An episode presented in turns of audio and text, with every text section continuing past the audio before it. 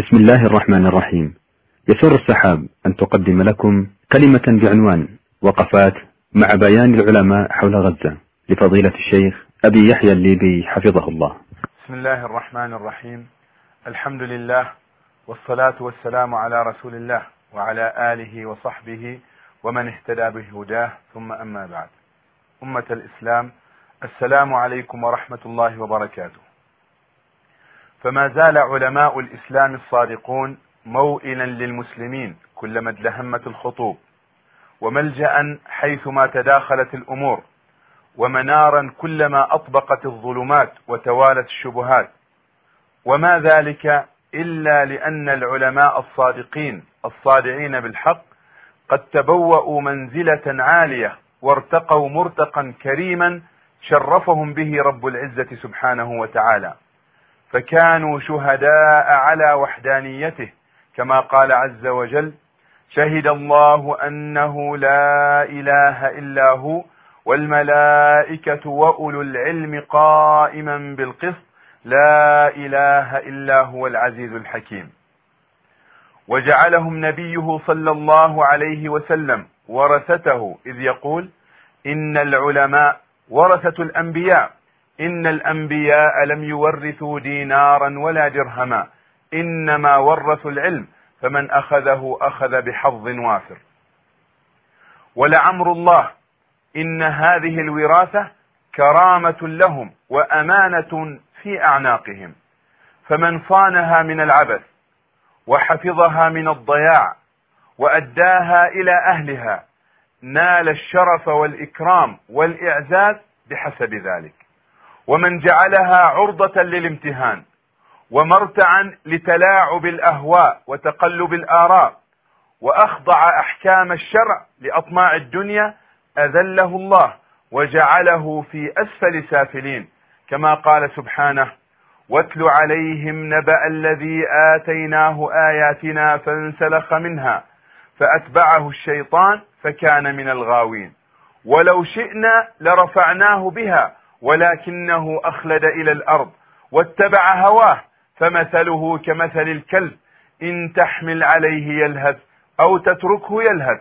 ذلك مثل القوم الذين كذبوا بآياتنا فاقصص القصص لعلهم يتفكرون.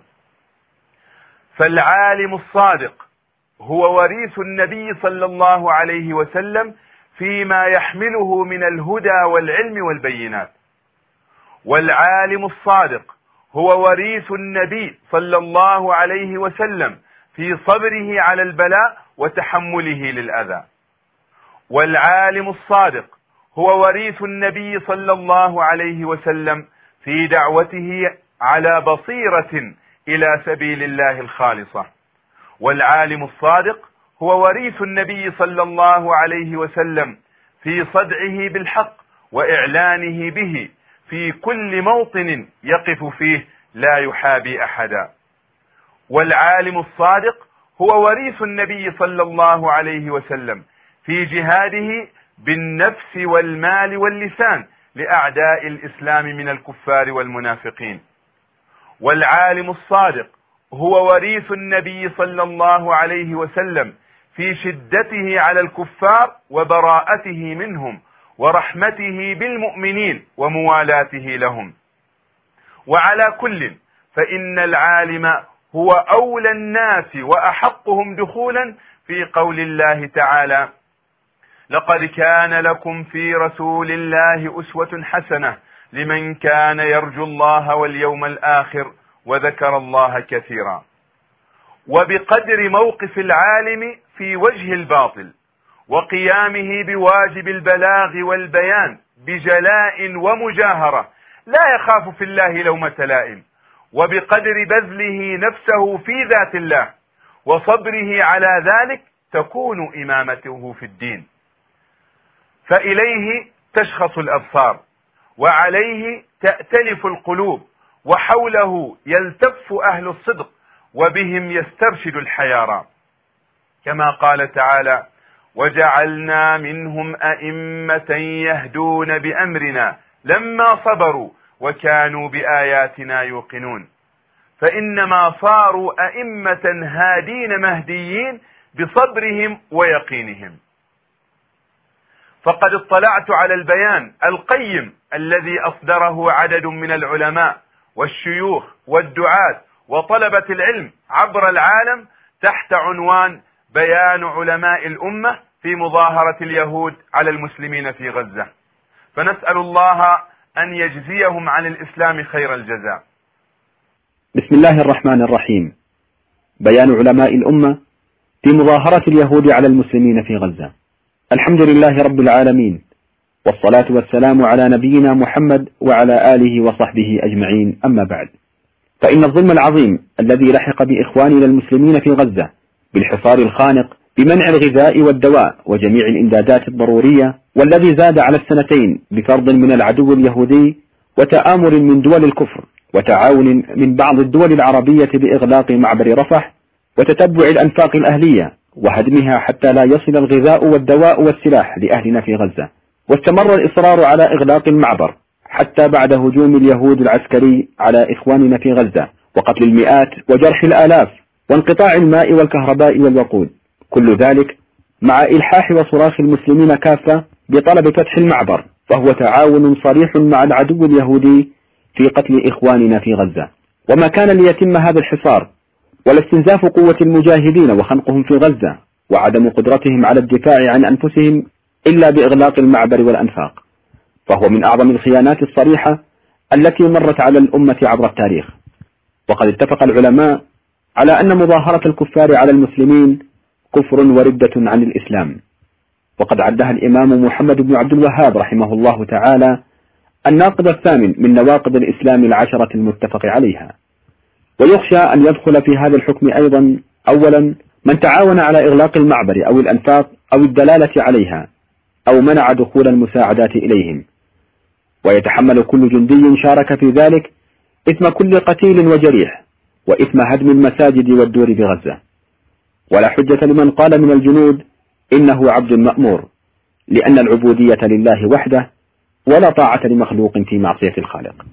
ثانيا تسليم المعابر لليهود أو القوات الدولية الموالية لهم. ثالثا الأفراد والمنظمات والوسائل الإعلامية التي تمالأت مع اليهود على المجاهدين في سبيل الله في غزة. فالجهاد في فلسطين كلها هو جهاد شرعي. يجب دعمه بالمال والنفس والسلاح. واليهود في فلسطين حربيون. تحل دماؤهم وأموالهم. يجوز للمسلمين قتل رجالهم وأخذ أموالهم وتدمير منشآتهم داخل فلسطين. أما مستند إجماع العلماء على كفر المتعاون مع الكفار على المسلمين فأدلة كثيرة. منها قول الله تعالى لا يتخذ المؤمنون الكافرين أولياء من دون المؤمنين ومن يفعل ذلك فليس من الله في شيء. وقول الله تعالى بشر المنافقين بأن لهم عذابا أليما. الذين يتخذون الكافرين أولياء من دون المؤمنين. أيبتغون عندهم العزة؟ فإن العزة لله جميعا. وقول الله تعالى يا أيها الذين آمنوا لا تتخذوا اليهود والنصارى أولياء بعضهم أولياء بعض. ومن يتولهم منكم فإنه منهم. إن الله لا يهدي القوم الظالمين. وقول الله تعالى ترى كثيرا منهم يتولون الذين كفروا. لبئس ما قدمت لهم أنفسهم أن سخط الله عليهم وفي العذاب هم خالدون. ولو كانوا يؤمنون بالله والنبي وما أنزل إليه ما اتخذوهم أولياء ولكن كثيرا منهم فاسقون. قال العلامة عبد العزيز بن باز رحمه الله وقد أجمع علماء الإسلام على أن من ظاهر الكفار على المسلمين وساعدهم عليهم بأي نوع من المساعدة فهو كافر مثلهم. انتهى. وقال العلامة أحمد شاكر في فتوى له طويلة بعنوان بيان إلى الأمة المصرية خاصة وإلى الأمة العربية والإسلامية عامة في بيان حكم التعاون مع الإنجليز والفرنسيين أثناء عدوانهم على المسلمين. أما التعاون مع الإنجليز بأي نوع من أنواع التعاون قل أو كثر فهو الردة الجامحة والكفر الصراح لا يقبل فيه اعتذار ولا ينفع معه تأويل. ولا ينجي من حكمه. عصبية حمقاء ولا سياسة خرقاء ولا مجاملة هي النفاق. سواء أكان ذلك من أفراد أو حكومات أو زعماء. كلهم في الكفر والردة سواء. إلا من جهل وأخطأ ثم استدرك أمره فتاب وأخذ سبيل المؤمنين. فأولئك عسى الله أن يتوب عليهم. إن أخلصوا لله لا للسياسة ولا للناس. انتهى. وقال العلامة عبد الله بن حميد رئيس مجلس القضاء الأعلى بالمملكة العربية السعودية ورئيس المجمع الفقهي رحمه الله تعالى. أما التولي فهو إكرامهم والثناء عليهم والنصرة لهم والمعاونة على المسلمين والمعاشرة وعدم البراءة منهم ظاهرة.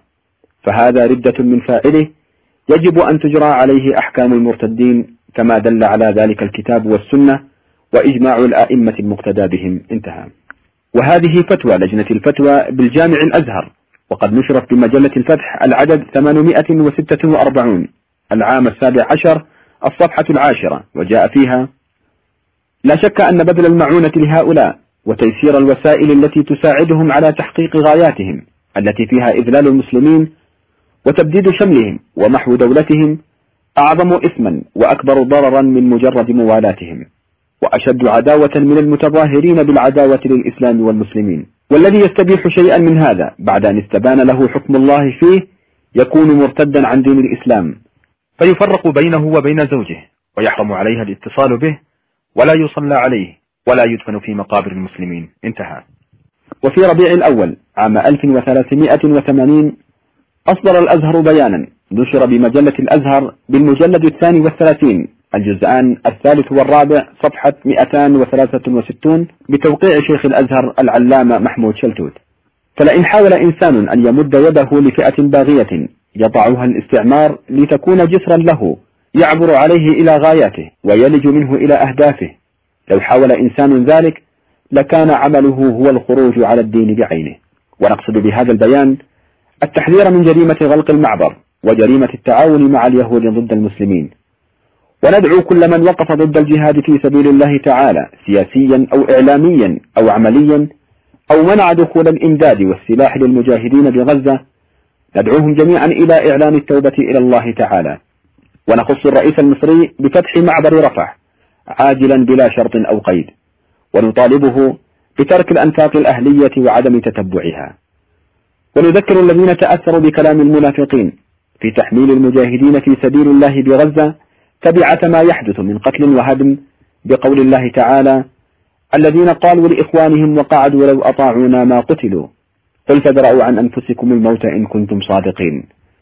نسأل الله تعالى أن يحفظ إخواننا المسلمين في غزة وأن يفرغ عليهم صبرا ويثبت أقدامهم وينصرهم على اليهود والمنافقين.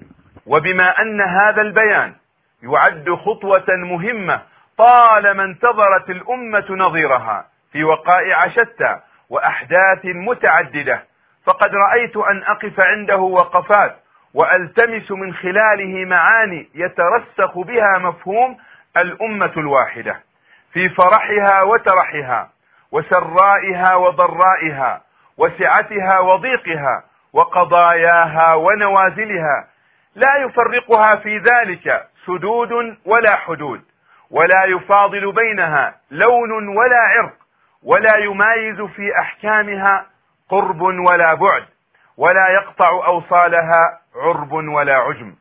وإنما أمرها كما قال تعالى إن هذه أمتكم أمة واحدة وأنا ربكم فاعبدون. وقال عز وجل يا أيها الناس إنا خلقناكم من ذكر وأنثى وجعلناكم شعوبا وقبائل لتعارفوا إن أكرمكم عند الله أتقاكم إن الله عليم خبير. وعن علي رضي الله عنه عن النبي صلى الله عليه وسلم قال المسلمون تتكافأ دماؤهم ويسعى بذمتهم أدناهم ويرد عليهم أقصاهم وهم يد على من سواهم. فالوقفة الأولى لا شك أن ما حصل ويحصل لإخواننا المسلمين في غزة بل وفي فلسطين كلها من قتل إجرامي وإبادة جماعية وحصار قاتل يعد من أعظم مصائب العصر تتفتت له الأكباد وتشيب له مفارق الولدان وتذوب لهوله الصخور الصماء. كيف لا؟ ولم يسلم فيه طفل ولا امرأة ولا شيخ ولا قوي ولا ضعيف ولا شجر ولا حجر. لقيت يعني إمي واخواتي وابن أخويا وعمامي وكلهيتهم نسوينهم ولادهم. مسوين برضه ولادهم. لقيتهم كلهيتهم مسطحين برضه نايمين. يعني يعني مستشهدين هيك يعني. كانت صدمة كبيرة إلي. فقدت إمي فقدت إخواتي الأربعة فقدت ابن أخويا فقدت عمامي فقدت برضه مرتي عمامي وولادهم فقدت كل حاجة. يعني اخواتي اللي كنت ألعب معهم. كنت أنا اقرا معهم. يعني وابن أخويا الثاني كنت ألعب معه. امي اللي كانت تخليه تجريني اللي كانت تجيب لي كل حاجة. كانت يعني كانت يعني إم يعني كيف يحرموني منها؟ يعني بتحرم المواطن من أهله من شوفة حتى من دار حرمونا منها. حتى من الأرض اللي كنا نزرع وناكل منها ونشرب منها. برضه حرمونا منها. يعني الدار كمان حرمونا منها نقعد فيها. يعني وين نقعد؟ وين نقعد؟ حتى يعني صاروا صاروا يجوا يطخطخوا علينا. يدمرونا وإحنا كمان صابرين وصامدين صامدين بهذه الأرض. وهنتلنا فيها صامدين لو إجوا كمان مرة هنتلنا صامدين وان شاء الله هنكبب هذه الأرض. هذه أرض المحشر والمنصر لا أمريكا ولا إسرائيل ولا الدول العربية قوتهم أكبر من قوة الله. وإحنا ناس مؤمنين بالله وربنا معنا. وإن شاء الله لازم لازم ينصرنا. فما من مسلم من مشارق الأرض إلى مغاربها. إلا وهو مطالب مطالبة شرعية صريحة بأن يكون له دور عملي في كشف غمة المسلمين هناك ورفع معاناتهم ومناصرتهم بما في الوسع بالنفس والمال والتحريض والدعوة والدعاء وفضح أهل المروق والنفاق الذين يتربصون بكم. فإن كان لكم فتح من الله قالوا ألم نكن معكم؟ وإن كان للكافرين نصيب قالوا ألم نستحوذ عليكم ونمنعكم من المؤمنين؟ ولا عذر في التقصير تجاههم لمجاهد نافر ولا لقاعد معذور. فإن الله عز وجل إنما رفع الإثم والحرج والتبعة عمن عذرهم من المرضى والضعفاء والفقراء بشرط اشترطه عليهم. فقال ليس على الضعفاء ولا على المرضى ولا على الذين لا يجدون ما ينفقون حرج إذا نصحوا لله ورسوله. ما على المحسنين من سبيل والله غفور رحيم. ومن هذا المنطلق فإن المجاهدين من أقصى المغرب إلى أقصى المشرق يعدون الثأر والانتقام لما وقع ويقع لإخواننا المسلمين في غزة على أيدي اليهود. دينا ثابتا في ذمتهم. لن يهنأوا حتى يقضوه ويؤدوه وافيا غير منقوص. مقتصين من كل من باشر أو شارك في هذه الجريمة الشنعاء. والخبر ما يرى لا ما يسمع. فانتظروا إنا منتظرون. الوقفة الثانية. بين العلماء بصورة جلية. أن الجهاد في فلسطين هو جهاد شرعي حيث جاء في بيانهم. فالجهاد في فلسطين كلها هو جهاد شرعي يجب دعمه بالمال والنفس والسلاح. واليهود في فلسطين حربيون تحل دماؤهم وأموالهم. يجوز للمسلمين قتل رجالهم وأخذ أموالهم وتدمير منشآتهم داخل فلسطين. انتهى كلامهم. فمن المعلوم أن الجهاد إنما صار مشروعا وواجبا في فلسطين بسبب مداهمة الكفار لأراضيها وتسلطهم عليها. ومثل هذه الحالة قد اتفق العلماء أن الجهاد فيها يصبح فرض عين على أهل تلك الناحية. فإن قاموا بالواجب وطردوا العدو فذاك وإلا فإن عجزوا أو قصروا انتقل الواجب إلى من يليهم وهكذا حتى ولو أدى ذلك إلى أن يعم الفرض جميع المسلمين. وهذا أمر مقرر عند أهل العلم ومكرر في كتبهم. ولولا الإطالة لنقلت أقوال الأئمة والعلماء من كل مذهب ولكن يكفينا هنا قول الإمامين ابن عبد البر المالكي وأبي بكر الجصاص الحنفي رحمهما الله. والفرد في الجهاد ينقسم أيضا قسمين. أحدهما فرض عام متعين على كل أحد ممن يستطيع المدافعة والقتال وحمل السلاح من البالغين الأحرار.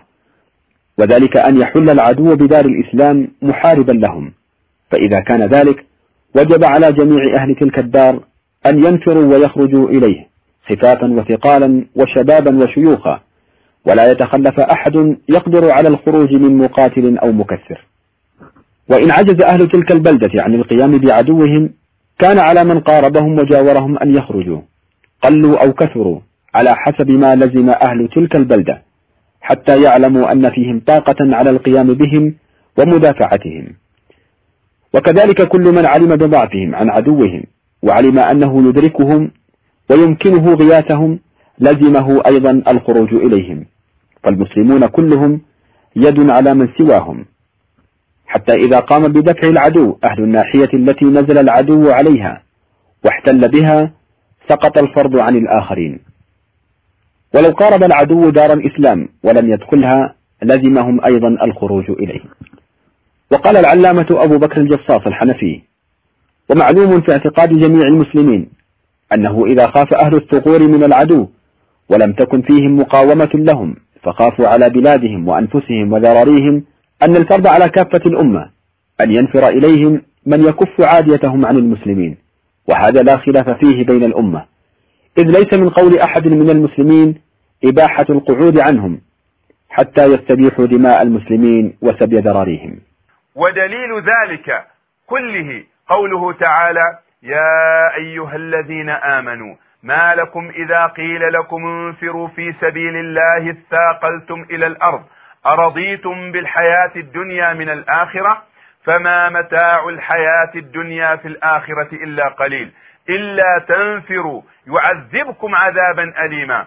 ويستبدل قوما غيركم ولا تضروه شيئا. والله على كل شيء قدير. وقال عز وجل وما لكم لا تقاتلون في سبيل الله. والمستضعفين من الرجال والنساء والولدان. الذين يقولون ربنا أخرجنا من هذه القرية الظالم أهلها واجعل لنا من لدنك وليا واجعل لنا من لدنك نصيرا. ونستخلص من هذا كله أن الجهاد إنما صار مشروعا وواجبا في فلسطين لا لأمر اختصت به عن سائر بلاد المسلمين المحتلة. فهذا الحكم الشرعي لم يثبت في حق فلسطين لبركة أرضها. ولا لوجود المسجد الأقصى فيها ولا لمزية تعلقت بأهلها وإنما مرد ذلك ومداره على كونها أرضا للمسلمين داهمها العدو الكافر. وبناء على ذلك فحيثما وجد هذا الأمر وتحقق هذا الوصف على أية بقعة من البقاع الإسلامية فإن الحكم فيها تماما كما هو الحكم في فلسطين سواء بسواء. هذا هو المتقرر عند علماء الإسلام الصادقين قديما وحديثا. لا مجال فيه للتردد ولا للتشكيك. وكل من أراد أن يفرق بين بلد وبلد أو أرض وأرض أو جهة وجهة فإنه يصادم إجماع العلماء القائم المحكم. وعليه فإننا نسأل علماء الأمة الصادقين الغيورين ممن وقعوا على هذا البيان أو غيرهم من الفضلاء لماذا لا نرى هذه التجلية والبيان لحكم الجهاد في اراض إسلامية كثيرة حالها كحال فلسطين حيث احتلها العدو الكافر وتسلط عليها بقوته وجيشه وعاث فيها فسادا فأهلك الحرث والنسل وانتهك العرض ونهب العرض. فأي فرق بين ما حصل ويحصل في فلسطين وما حدث ويحدث في أفغانستان؟ وأي فرق بين ما جرى ويجري في فلسطين وما وقع ويقع في العراق؟ وأي فرق بين تسلط اليهود المجرمين على فلسطين وتسلط الأثيوبيين النصارى على الصومال؟ وأي فرق بين ما يقوم به الصهاينة المجرمون ضد أهلنا في فلسطين وبين ما يقوم به الصينيون الملحدون ضد إخواننا في تركستان الشرقية. أوليست المصيبة في كل هذه المواطن واحدة والنازلة متفقة؟ أوليس جميع هؤلاء الأعداء محتلين مغتصبين كفرة فجرة؟ نعم نحن نعلم أن حالة القهر والظلم والتقتيل والإفساد قد تتفاوت بين دولة ودولة. ومثل هذا يزيد حكم الجهاد في تلك الناحية تأكيدا لوجوبه وتعزيزا لتعين فرضيته. أما من حيث أصل الحكم فإن الأمر واحد في جميع تلك البلدان. إذا فعلى علماء الأمة الصادقين أن يقفوا موقف الإمامة في الدين ويقولوا في سائر أراضينا المحتلة ما قالوه في فلسطين فالجهاد في أفغانستان والعراق والصومال والشيشان والأندلس وتركستان الشرقية وبلاد المسلمين المحتلة كلها هو جهاد شرعي يجب دعمه بالمال والنفس والسلاح والمحتلون من الأمريكان والأسبان والروس وغيرهم في هذه الدول المحتلة هم حربيون تحل دماؤهم وأموالهم يجوز للمسلمين قتل رجالهم وأخذ أموالهم وتدمير منشآتهم داخلها. الوقفة الثالثة. أشار العلماء الكرام إلى الظلم العظيم الذي حل بإخواننا المسلمين في غزة وبينوا هذا الظلم وبينوا أن هذا الظلم قد شارك فيه ثالوث اجرامي وهم اليهود المحتلون وأهل الكفر المتآمرون ومعهم العرب الخائنون. فكان مما جاء في البيان. فإن الظلم العظيم الذي لحق بإخواننا المسلمين في غزة بالحصار الخانق بمنع الغذاء والدواء وجميع الإمدادات الضرورية والذي زاد على السنتين بفرض من العدو اليهودي وتآمر من دول الكفر وتعاون من بعض الدول العربية بإغلاق معبر رفح وتتبع الأنفاق الأهلية وهدمها حتى لا يصل الغذاء والدواء والسلاح لأهلنا في غزة. انتهى كلامهم.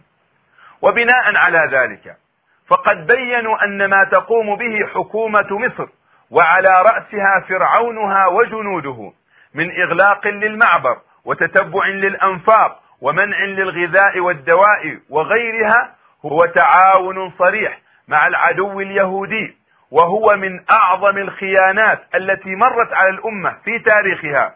ومن ثم فهو مظاهرة للكفار على المسلمين. وقد اتفق العلماء على أنها كفر وردة عن الإسلام. ونحن نقول إن بيان حكم مظاهرة الكفار على المسلمين من أعظم نواقض الإسلام التي يجب على العلماء والدعاة وطلبة العلم بيانها للناس.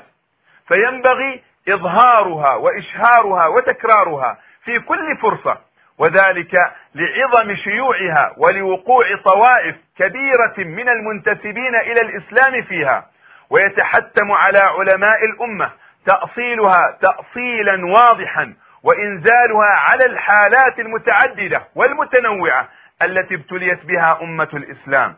فإن العلم يجب نشره بحسب حاجة الناس إليه ليهلك من هلك عن بينة ويحيى من حي عن بينة.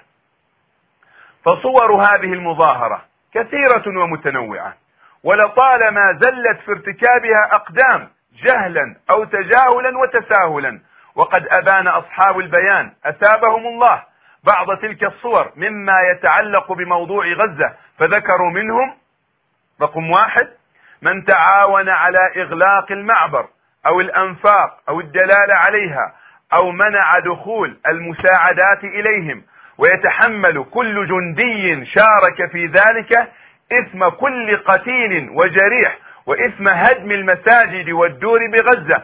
ولا حجة لمن قال من الجنود إنه عبد مأمور لأن العبودية لله وحده ولا طاعة لمخلوق في معصية الخالق. الثاني تسليم المعابر لليهود أو القوات الدولية الموالية لهم. الثالث الأفراد والمنظمات والوسائل الإعلامية التي تمالأت مع اليهود على المجاهدين في سبيل الله في غزة. انتهى كلامهم وما ذكرناه من قبل من عدم الفرق بين حكم الجهاد في فلسطين وسائر بلاد الإسلام المحتلة نقوله أيضا في مسألة مظاهرة الكفار على المسلمين سواء كان أولئك الكفار يهودا أو نصارى أو مجوسا أو هندوسا أو شيوعيين ملحدين أو غيرهم من نحل الكفر المتنوعة. كما أنه لا فرق بين أن يكون هؤلاء المظاهرون للكفار على المسلمين أفرادا أو جماعات أو حكومات أو منظمات. كما قال العلامة أحمد شاكر رحمه الله في بيانه الشهير كلمة حق والذي نقل أصحاب البيان جزءا منه. أما التعاون مع الإنجليز بأي نوع من أنواع التعاون قل أو كثر فهو الردة الجامحة والكفر الصراح لا يقبل فيه اعتذار ولا ينفع معه تأول ولا ينجي من حكمه عصبية حمقاء ولا سياسة خرقاء ولا مجاملة هي النفاق سواء كان ذلك من أفراد أو حكومات أو زعماء كلهم في الكفر والردة سواء إلا من جهل وأخطأ ثم استدرك أمره فتاب واتخذ سبيل المؤمنين فأولئك عسى الله أن يتوب عليهم إن أخلصوا من قلوبهم لله لا للسياسة ولا للناس. وقال في حق التعاون مع الفرنسيين أيضا ولا يجوز لمسلم في أي بقعة من بقاع الأرض أن يتعاون معهم بأي نوع من أنواع التعاون وإن التعاون معهم حكمه حكم التعاون مع الإنجليز الردة والخروج من الإسلام جملة أيا كان لون المتعاون معهم أو نوعه أو جنسه. وبناء على ذلك فإن حكم مظاهرة اليهود على المسلمين في فلسطين هو عينه حكم مظاهرة الأمريكان على المسلمين في أفغانستان أو العراق أو الصومال. وهو نفسه حكم مظاهرة الروس على المسلمين في الشيشان والهندوس في كشمير وهلم جرا. وإذا كان أصحاب البيان الفضلاء قد قرروا أن من المظاهرة التعاون على إغلاق المعبر أو الأنفاق أو الدلالة عليها أو منع دخول المساعدات إليهم فماذا يقولون في الدول والحكومات التي وقفت ولا زالت تقف جنبا إلى جنب مع حامية الصليب وحاملته أمريكا. في حربها ضد المسلمين في الأرض كلها تحت شعار الحرب ضد الإرهاب. ففي باكستان قد أعلن برويز مشرف من قبل وعلى رؤوس الأشهاد وفي وسائل الإعلام كلها أنه اختار الوقوف بجانب أمريكا في حربها ضد المسلمين في أفغانستان. ومطاردتها للمجاهدين أينما كانوا وقد وضع كل أجهزته وقواته من جيش وشرطة رهن الإشارة الأمريكية وجعلهم جندا محضرين لها وفتح لها أبواب باكستان على مصارعها برا وبحرا وجوا وأصبحت قوافل إمدادات قوات الصليب تشق طريقها عبر باكستان وهي تحمل الموت والدمار لأفغانستان وشعبها المسلم. يحصل هذا بحماية تامة ودفاع مستميت من قبل أجهزة الدولة الباكستانية على اختلاف أسمائها ومهامها. ونقول لشعب ومجاهدي باكستان الغيورين كيف ترضون وأنتم أهل النصرة والنجدة بمرور قوافل الأعداء المحملة بالأسلحة والمؤن والعتاد عبر أراضيكم والتي تحمل الموت والدمار والهلاك لإخوانكم في أفغانستان؟ ومع مرور أكثر من سبع سنوات فلا تزال باكستان بحكومتها الجديدة ورئيسها اللص وجيشها وشرطتها وأجهزة استخباراتها تقوم بنفس الدور وتظاهر هؤلاء الكفرة المحتلين على المسلمين وتتشبث وتسير على الخطى التي رسمها لها برويز من قبل بل ازداد شرها وتضاعفت معونتها وظهر تبجحها Do you have the support for this campaign against the Taliban? Do you have the full support of the military and the ISI? If that wasn't the case, then Islamabad would have fallen. Because obviously if the army doesn't uh, do its job, these uh, men are not restricted. They've blown up uh, the Marriott Hotel before. They've attacked us uh, inland before. They would be all around us, wouldn't they? We considered Bajaur to be the center of gravity, uh, from where the militants had access to Afghanistan. What was the fighting like there? We had to fight compound to compound, and every inch uh, we had we had to take a hit. What surprised you? What gave them their strength? The numbers the intensity, uh, the, the kind of tenacity the, the need to hold on to ground, there were no surrenders as much as uh, people willing to die. But the Taliban is your enemy now. Yeah, they are. They have to be dismantled and they have to be destroyed. Along with much of Bajour. After this battle, the Pakistani military brought in bulldozers to level the buildings that were still standing to make sure the Taliban didn't return People who lived here have been relocated, along with 200,000 others, to refugee camps outside Peshawar. President Zardari said this is our war now, meaning Pakistan's war. Do you think he means it? He understands it's his war now. He is yet to convince most Pakistanis that it's their war. The overwhelming majority of Pakistanis see this as America's war. فما تركت صورة من صور المظاهرة إلا وتلبست بها من فتح للقواعد العسكرية عبر طول البلاد وعرضها وفتح للسجون الأمريكية السرية والعلنية في راولبندي وبيشاور وكراتشي وغيرها ومن تقتيل للمسلمين بالمباشرة والوكالة كما يحصل في سوهات وبيجاور ومناطق القبائل كلها واعتقال وتسليم المسلمين إلى أمريكا بلا تفرقة بين رجل وامرأة كما فعلت مع أختنا عافية صديق فرج الله كربها والتي يزعمون كذبا وزورا أنها اعتقلت في غزن بأفغانستان. ومع ذلك فإننا نرى ونسمع من السفهاء من كان يدعو لبرويز المجرم وجنوده السفاحين. اللهم وفق إخواننا في باكستان. اللهم وفقهم واحفظهم. وأيد بالحق فخامة الرئيس برويز مشرف وسائر إخوانه وحكومته ووزرائه وأعوانه. وتلك هي دولة آل سعود ومثلها دويلة الكويت وقطر والبحرين. قد فتحت ولا تزال تفتح لأمريكا القواعد العسكرية على أراضيها وتجوب حاملات الطائرات والسفن بحارها وتقلع وتحط طائرات القتل والتدمير من وعلى مطاراتها.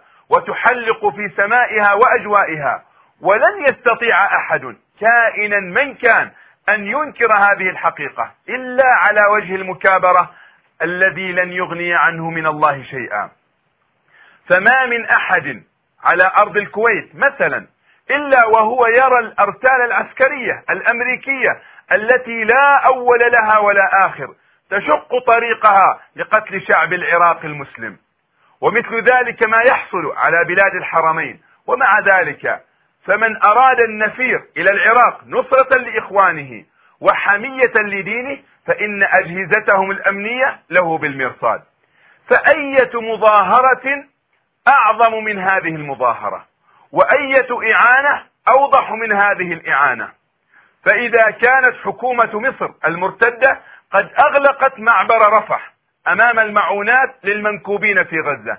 فإن هذه الحكومات قد فتحت حدودها كاملة لعبور أرتال الصليب التي تحمل القنابل المدمرة والصواريخ الفتاكة والآلات القاتلة وجبال الذخائر المتنوعة. كل ذلك ليباد بها المسلمون في العراق كما يبادون بها في أفغانستان. وإذا كانت حكومة مصر المرتدة قد أطبقت حصارها على المسلمين في غزة حتى حرموا الماء والدواء والوقود والكهرباء. فإن حكومة الرياض والكويت ونظيراتها قد فتحت أنابيب نفطها سخاء رخاء لتتضلع منه طائرات الصليب وأغدقت عليهم من أنواع الأطعمة والمشروبات ولذائذ المآكل ما حرموا منه شعوبهم المنكوبة.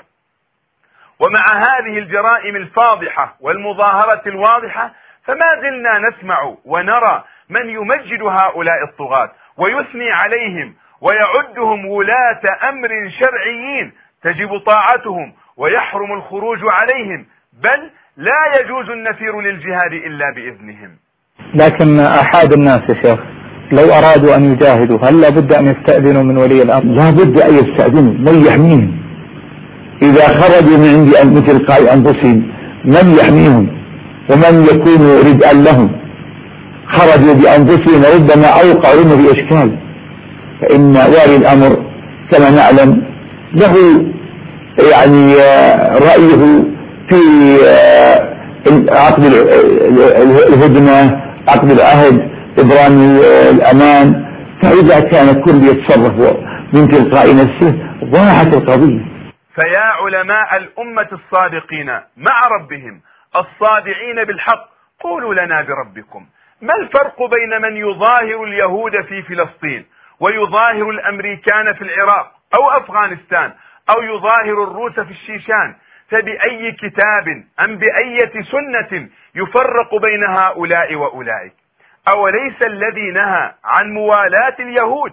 قد نهى أيضا عن موالاة النصارى؟ فقال يا أيها الذين آمنوا لا تتخذوا اليهود والنصارى أولياء بعضهم أولياء بعض ومن يتولهم منكم فإنه منهم. إن الله لا يهدي القوم الظالمين. أوليس الذي نهى عن موالاة اليهود والنصارى؟ نهى أيضا عن موالاة الكافرين أجمعين. فقال يا أيها الذين آمنوا لا تتخذوا الكافرين أولياء من دون المؤمنين. أتريدون أن تجعلوا لله عليكم سلطانا مبينا؟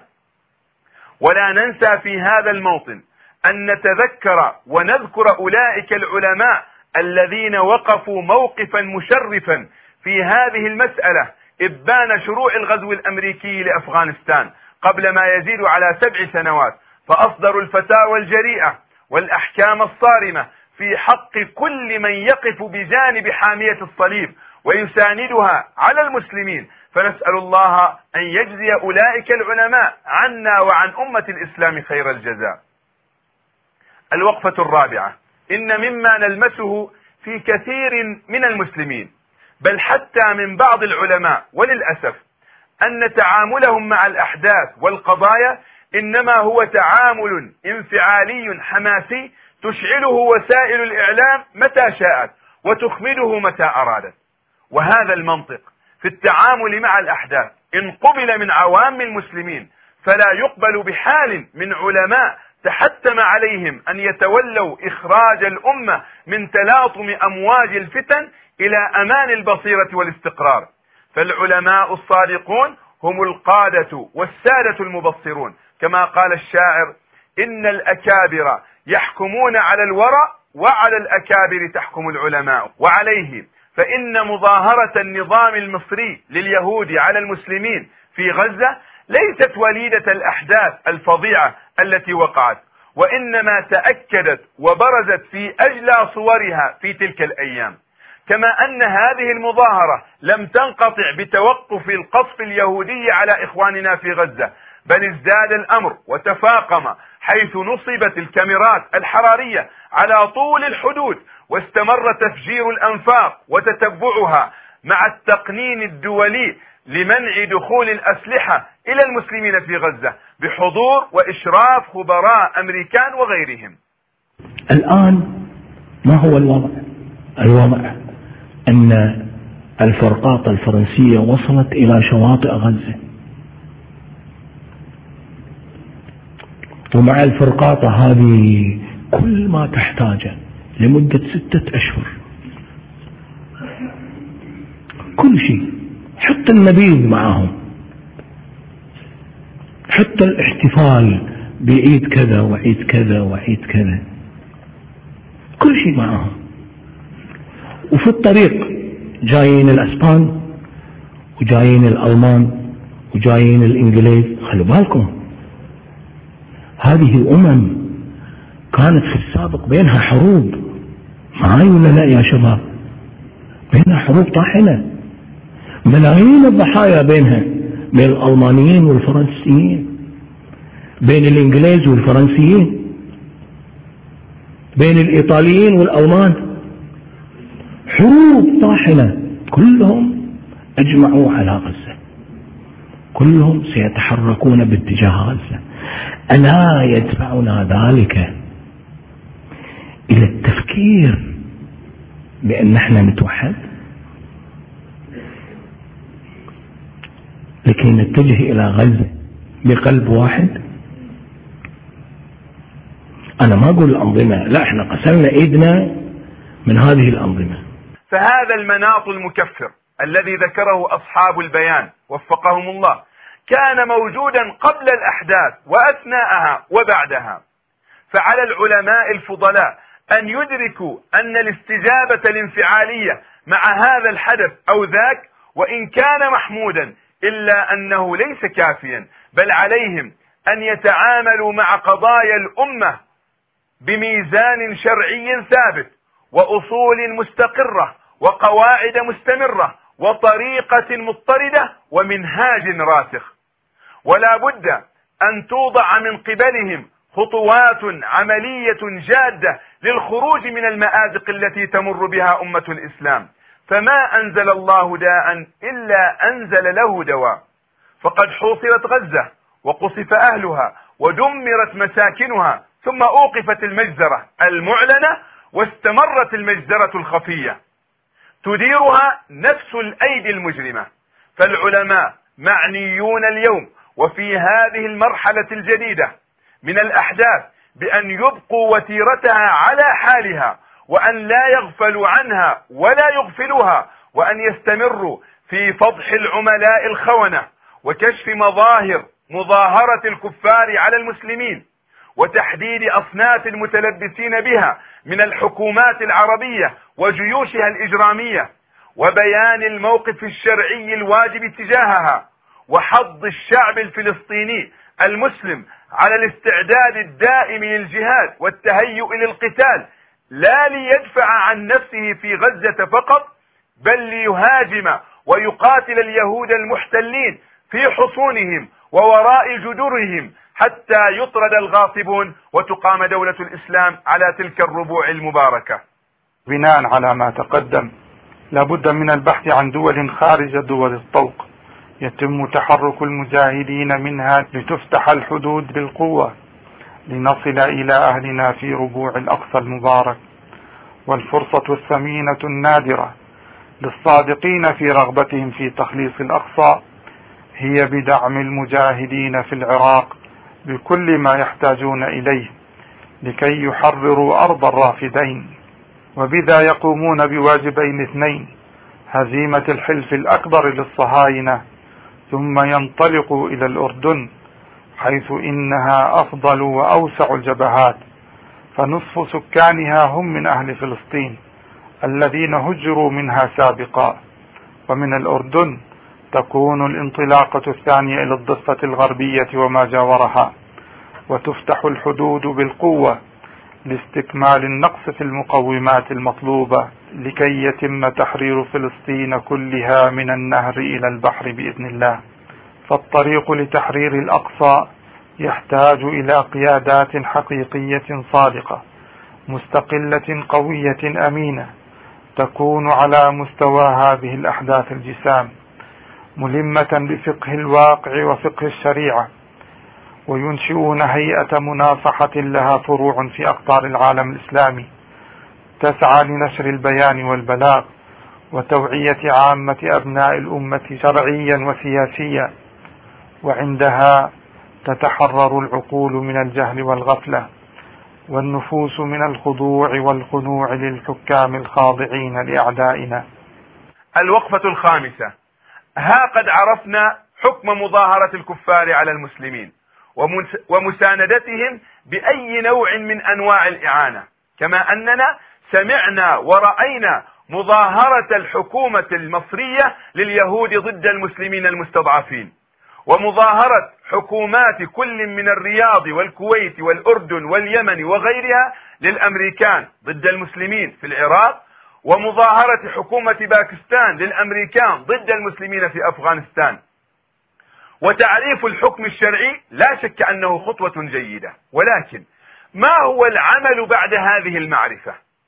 وهل الواجب الشرعي تجاه هؤلاء المظاهرين وهم يعينون معاونة علنية مباشرة العدو المحتل على تقتيل إخواننا واحتلال ديارنا وانتهاك أعراض أخواتنا والتنكيل بأسرانا وغير ذلك من صور الإجرام السافرة هل يكفي مجرد دعوتهم إلى التوبة والإقلاع عما هم فيه؟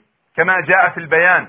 وندعو كل من وقف ضد الجهاد في سبيل الله تعالى سياسيا أو إعلاميا أو عمليا أو منع دخول الإمداد والسلاح للمجاهدين بغزة ندعوهم جميعا إلى التوبة إلى إعلان التوبة إلى الله تعالى. ونخص الرئيس المصري بفتح معبر رفح عاجلا بلا شرط أو قيد ونطالبه بترك الأنفاق الأهلية وعدم تتبعها. انتهى كلامهم. أم أن هناك واجبا شرعيا محددا وبينا في دين الله تعالى يجب القيام به والسعي إليه والاجتهاد في تطبيقه وإزالة كل العوائق التي تحول دون إحيائه ألا وهو الجهاد في سبيل الله الجهاد في سبيل الله الجهاد في سبيل الله. أولم يتفق العلماء قاطبة على أن الولاية لا تنعقد لكافر. وأنه لو طرأ عليه كفر وجب خلعه وتنصيب إمام للمسلمين. فمن هو المخاطب بهذا الحكم؟ وإلى من يتوجه التكليف به؟ وإذا كان هؤلاء الحكام قد تلبسوا بناقض جلي من نواقض الإسلام فما وجه ادعاء بعض الناس بقاءهم أئمة شرعيين للمسلمين تجب طاعتهم ويحرم الخروج عليهم؟ وإذا كنا عاجزين حقا عن منابذتهم ومقاتلتهم فهل نكون معذورين عند تفريطنا في الإعداد لتحصيل الأسباب التي نرفع بها ذلك العجز؟ أو على الأقل دعم ومساندة وتأييد المجاهدين الذين يسعون سعيا جادا لإحياء عبادة الجهاد وتحمل أعبائها. قال الله تعالى يا أيها الذين آمنوا قاتلوا الذين يلونكم من الكفار وليجدوا فيكم غلظة واعلموا أن الله مع المتقين. الوقفة السادسة. كما يقال فإن من أصعب المعضلات توضيح الواضحات ومن هذا المنطلق وعلى هذا الأساس فلا أحسب أننا بحاجة إلى إثبات أن دويلة إسرائيل هي جزء لا يتجزأ من أمريكا ومكونة من مكوناتها بل ولاية من ولاياتها. فقد تولى رؤساء أمريكا المتعاقبون إيضاح ذلك في تصريحاتهم ولقاءاتهم ومذكراتهم. وما من رئيس يدخل بيتهم الأبيض إلا وتعهد تعهدا مقطوعا به على الاستمرار في دعم إسرائيل دعما تام والمحافظة على أمنها محافظة دائمة. فأمريكا هي إسرائيل وإسرائيل هي أمريكا. ومحاولة التفريق بينهما في اشتراكهما في الجريمة والعقاب هو ضرب من العبث Our alliance is based on shared interests and shared values. Those who threaten Israel threaten us. Israel has always faced these threats on the front lines. And I will bring to the White House an unshakable commitment to Israel's security. ولتوضيح المسألة أكثر أقول إن النبي صلى الله عليه وسلم قد صالح قريشا على وضع الحرب عشر سنين. وكان في بنود هذا الصلح أنه من شاء أن يدخل في عقد محمد صلى الله عليه وسلم وعهده دخل.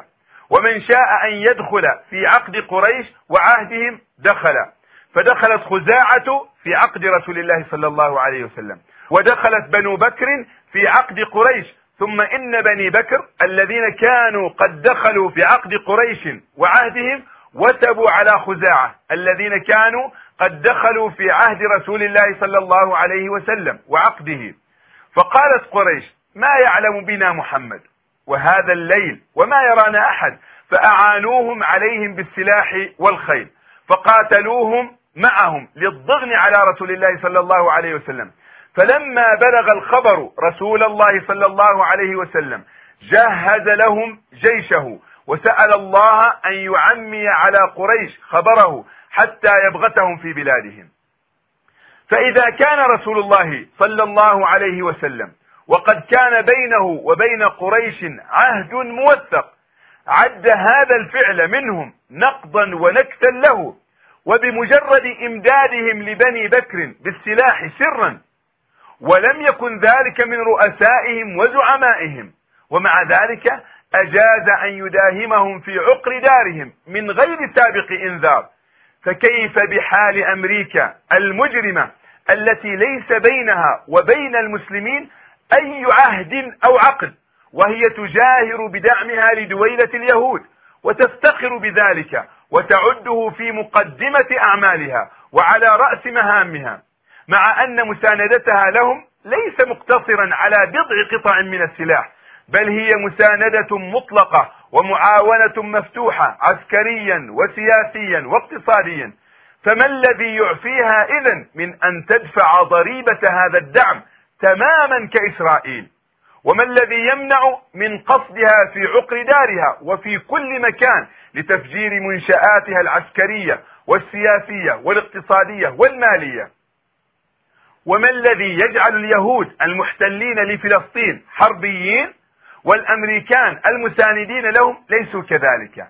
أولم يقل العلماء إن الردء والمباشر في الحكم سواء؟ فكيف إذا كان ردءا مباشرا في نفس الوقت؟ فلماذا نحاول التفريق بينها وبين إسرائيل مع أنهم هم بأنفسهم يصرحون ويصرون على أنهم شيء واحد؟ ولذا فينبغي على العلماء الأجلاء أن يبينوا هذه الحقيقة بيانا وافيا ليعلم المسلمون كلهم أن كل جريمة تقع في فلسطين على أيدي اليهود فإن الأمريكان شركاء فيها مشاركة كلية وعليه فكل قتال نستبيحه ضد اليهود فإننا نستبيحه أيضا ضد الأمريكان وفي أي مكان وبنفس الصورة وهذا كما قال شيخ الإسلام ابن تيمية رحمه الله والطائفة إذا انتصر بعضها ببعض حتى صاروا ممتنعين فهم مشتركون في الثواب والعقاب. فلماذا نضيق على أنفسنا في أمر وسعه الشرع علينا؟ فكيف وقد داهم الأمريكان بلدان المسلمين بجيوشهم وقواتهم وتغلبوا على ديارهم وارتكبوا ويرتكبون نفس ما يرتكبه اليهود ضد أهلنا في فلسطين من سفك للدماء وتدمير للبيوت وأسر للرجال والنساء والولدان بل هؤلاء أولى بالمحاربة والمقاتلة فلئن كان اليهود قد حصروا حربهم في داخل فلسطين فإن هؤلاء المجرمين قد شاركوهم في جريمتهم هذه وزادوا عليها بأن جعلوا الأرض كلها ساحة مفتوحة لهم فيقتلون من شاءوا وأينما شاءوا ويعتقلون من أرادوا ومن حيث ما أرادوا فلا معنى اذا لأن نقوقع أنفسنا في القتال ضد اليهود داخل فلسطين. ونذر هؤلاء المجرمين القتلة آمنين مطمئنين وهم يعيثون في الأرض فسادا. فما ذلك إلا ضرب من العجز الذي لا يليق بالمؤمنين. وما قلناه عن أمريكا فإنه ينطبق تماما على دول الاتحاد الأوروبي وعلى رأسها بريطانيا صاحبة الوعد المشؤوم وفرنسا عدوة الحجاب. وأخيرا نسأل الله أن يبارك في علمائنا الفضلاء الذين وقفوا هذا الموقف المشرف وأن يزيدهم من فضله. فما هذه الوقفات إلا استفادة من علمهم. ووضعا لأيدينا في أيديهم وانتصارا للحق الذي دعوا إليه وصدعوا به فنسأل الله أن يرينا وإياهم الحق حقا ويرزقنا اتباعه والباطل باطلا ويرزقنا اجتنابه ويثبتنا على الحق حتى نلقاه وهو راض عنا إنه سميع قريب وآخر دعوانا أن الحمد لله رب العالمين.